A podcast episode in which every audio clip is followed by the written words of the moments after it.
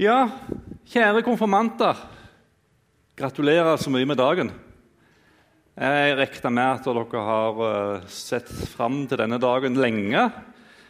Ehm, og det er jo sikkert noen eh, stolte foreldre her som eh, Det er det jo helt sikkert. Og resten av familien og som forsamling som ønsker å være med og feire denne dagen i lag med dere.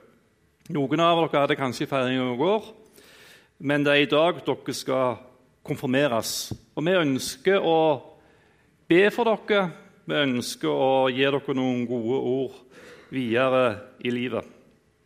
Og dere som er foreldre, dere har all grunn til å være stolt av, eh, av konfirmantene i dag. Gratulerer så masse med dagen til dere òg. Men nå skal jeg altså prøve å holde en liten sånn tale til dere konfirmanter. Og så får dere andre bare høre etter.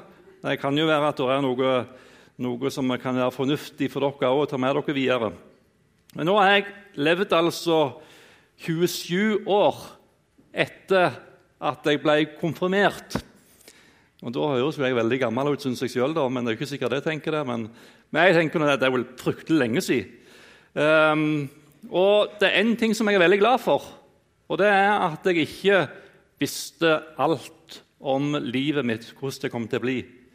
Jeg tror ikke noen av oss hadde hatt godt av å vite når vi var konfirmanter, å vite hva er det som venta oss i resten av vårt liv, enten livet går bra eller ikke går helt sånn som en hadde tenkt.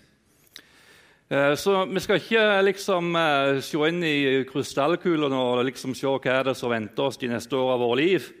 Men jeg har lyst til å si noe som jeg tenker er det viktigste jeg kan si til dere denne dagen her.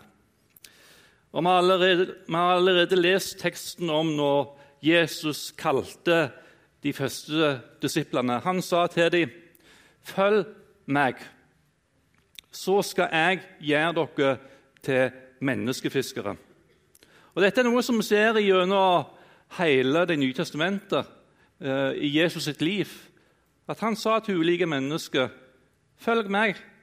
Og på ulike måter sa han det. Og så fulgte Jesus gjennom livet. Og hva er det da det betyr egentlig å følge Jesus? Og Nå får du opp et bilde her av en bil med tilhenger. Er det, er det sånn det er å følge Jesus? At du liksom er kobla på en bil, og så bare går det på automatikk videre gjennom livet? Er det sånn det er å følge Jesus? Eller er det som eh, denne her eh, gjeteren som eh, leder sauene der de skal gå? Sauene har et fritt valg til å følge gjeteren, men de stoler på gjeteren, og de følger han. Jeg tipper du gjetter svaret. Å følge etter Jesus ligner mer på gjeteren sitt forhold til sauene enn bilen som henger etter hengeren. Nei, bilen, bilen, tilhengeren som henger etter, etter bilen. Eh, du har altså et valg gjennom livet. Eh, du har et valg om å følge Jesus eller å la det være. Og Jeg har lyst til å si til dere i dag dere konfirmanter, det er verdt å følge etter Jesus. Eh, det er jo ikke dermed sagt at. Noen tenker at å følge med etter Jesus, da blir livet en, en, en dans på roser, at alt er bare fryd og gammen resten av livet. Det kan jeg faktisk ikke gi deg noen garantier om. Det kan godt være at du ikke får de store utfordringene i livet, men, men statistisk sett så møter vi alle mennesker, enten vi er kristne eller ikke, så møter vi på ulike ting i livet som, som vi kan kjenne på som utfordrende inn i vår egen liv. Så jeg har ikke lyst til å gi deg noen garantier i dag om at da følger du Jesus, så, så blir livet bare helt fantastisk. Men jeg har lyst til å si at følger du Jesus, så det er et liv som er verdt å leve. Og Hvis du ser for deg denne gjeteren som, eh, som eh, leder disse her sauene. Det er sånn det er å følge Jesus. Og Da er det noen ting jeg har lyst til å si til deg. Ehm, når du følger etter Jesus, så kan du høre hurden eller gjeteren sin stemme. Og Jeg tror jo at Gud han kan, han kan snakke inn i våre liv når vi ber til ham på en direkte og tydelig måte. Men eh, jeg har lyst til å peke på en ting som jeg har opplevd og erfart sjøl. Og Det er det som står i Salme 119, vers 105, at ditt ord er en lykt for min fot og et lys på, for min sti.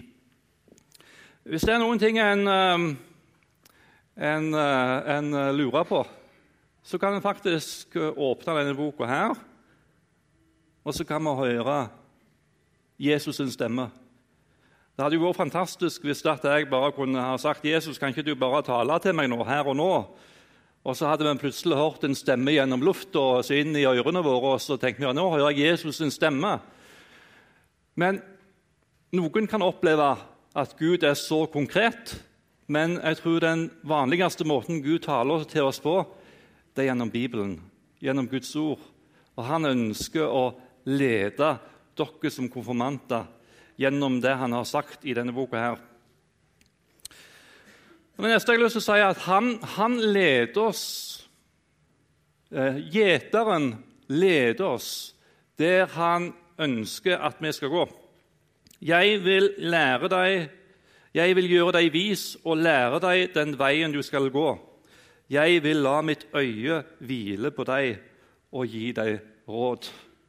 Jeg er sikker på at det kommer ulike perioder i livet der du tenker at hva i all verden skal jeg tenke nå? Hva er lurt å gjøre nå? Eh, hva er det jeg skal ta nå? Og Da er min erfaring, og vi har også Guds ord på det her, at vi kan få lov til å stole på gjeteren. Vi kan få lov til å stole på Jesus. Vi kan få lov til å spørre han, du, Gud, hva har du? Du, Jesus, hva har du å si inn i denne situasjonen her og nå? Og så kan vi få lov til å oppleve at han gir oss faktisk råd. Han gir oss veiledning. Han viser oss vei. Og det gjør han òg gjennom denne boka her. Det tredje jeg har lyst til å si, er at når vi følger etter Jesus, så ser vi Jesus. Vi ser han. Og hvem er det vi ser da? Vi ser jo faktisk en som elsker oss mer enn noen annen. Eh, 'Jeg er den gode gjeteren', sier Jesus.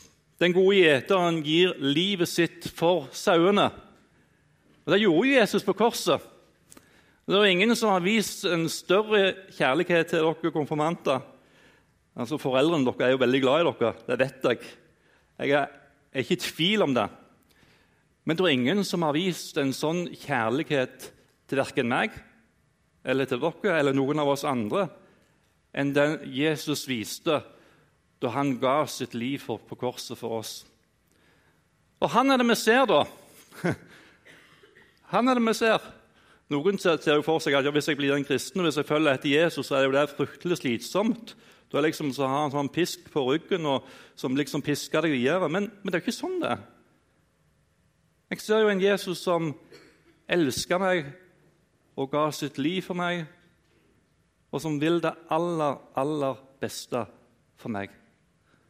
Så tenk på det når du går gjennom livet, og tenk på det når du tenker at da, livet gikk ikke helt sånn som du hadde tenkt, så tenk deg at hvem er det jeg føler etter?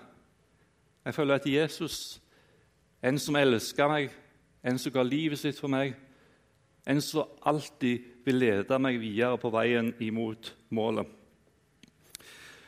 Og til slutt Jeg skal ikke snart prate lenger i dag. Og til slutt Han bærer oss. Jeg vet ikke om du ser for deg når gjeteren eh, leder disse her sauene. Og så er det en, en, en sau som blir, blir skada. Eh, hvordan tror dere det, da? Er det sånn, ok, ja, det var den sauen, så jeg får bare tusle videre på? Nei, da tar jo denne gjeteren denne her sauen. Så løfter han opp, og så legger han på skuldrene og så bærer han den videre. Eh, det står i eh, Salme 68, vers 20.: Velsignet er Herren dag etter dag. Gud er vår redning. Han bærer oss. Uh, nå hadde jeg bare tenkt jeg skulle være litt personlig her i dag. Nå har jeg nettopp kommet tilbake i jobb etter en, uh, en sykemelding.